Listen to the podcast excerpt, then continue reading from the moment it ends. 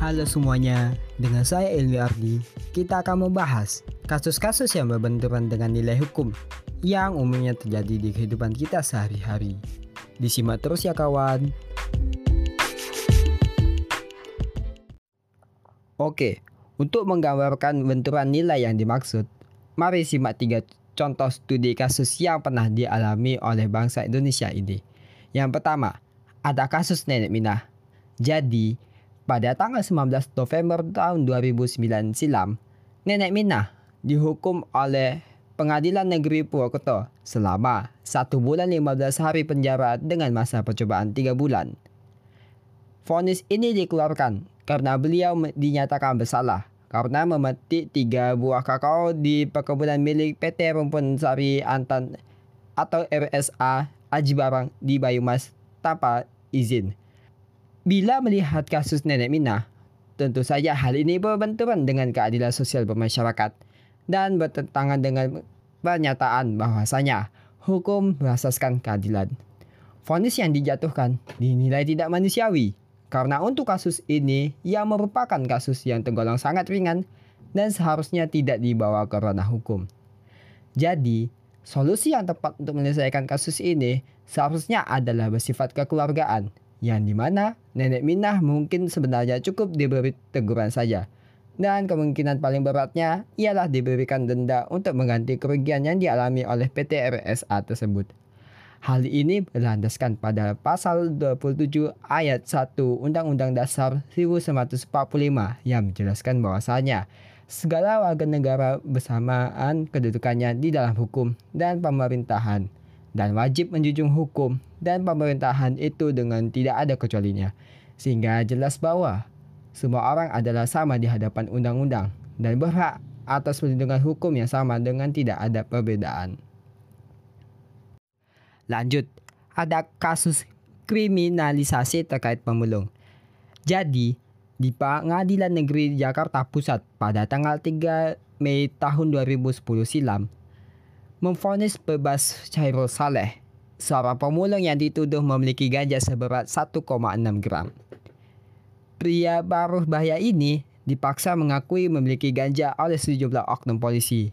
Hingga akhirnya Jenderal Polisi Bambang Hendarso Danuri pun ikut turun tangan untuk menindaklanjuti kasus dugaan rekayasa ini. Dia langsung menghubungi Kapolda Metro Jaya Irjen Wahyono untuk meminta kepastian adanya rekayasa tersebut. Meninjau kasus yang dialami oleh Pak Khairul tersebut, jelas terjadi benturan pemanfaatan hukum dalam perlindungan terhadap pelaku kriminal bahwa seharusnya pelaku kejahatan tersebut tidak diperlukan untuk dianiaya dan seharusnya harus dibawa ke ranah hukum terlebih dahulu agar dapat ditindaklanjuti oleh pengadilan. Namun dalam kasus ini terjadi keterbalikannya terhadap hukum tersebut.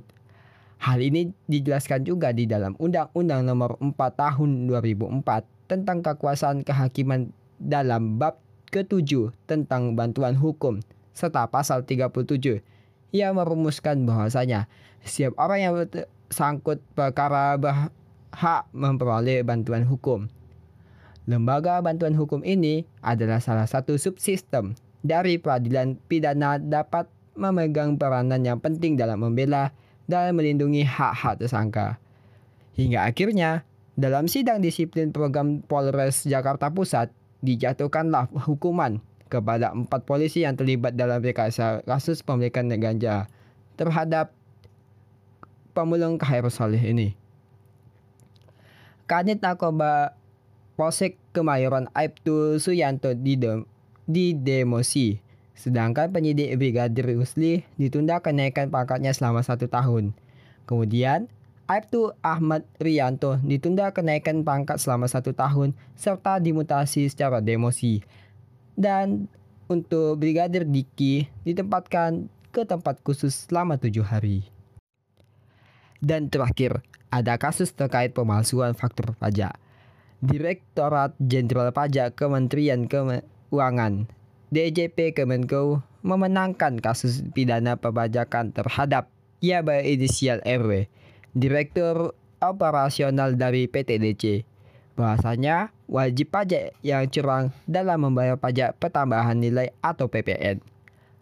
Melalui sidang secara online pada tanggal 5 Agustus tahun 2020 yang lalu, Majelis Hakim Pengadilan Negeri Jakarta Selatan yang diketuai oleh Yosi SH menjatuhkan vonis 5 tahun 6 bulan penjara dan denda sejumlah 20,5 miliar kepada RW atas perkara tindak pidana di bidang perpajakan. Terkait kasus pemalsuan faktur pajak ini, terlihat jelas bahwa kepastian hukum terhadap wajib pajak mem wajib membayar pajak telah dilanggar karena berbenturan dengan kaidah Gustav asas ketiga yaitu kepastian hukum.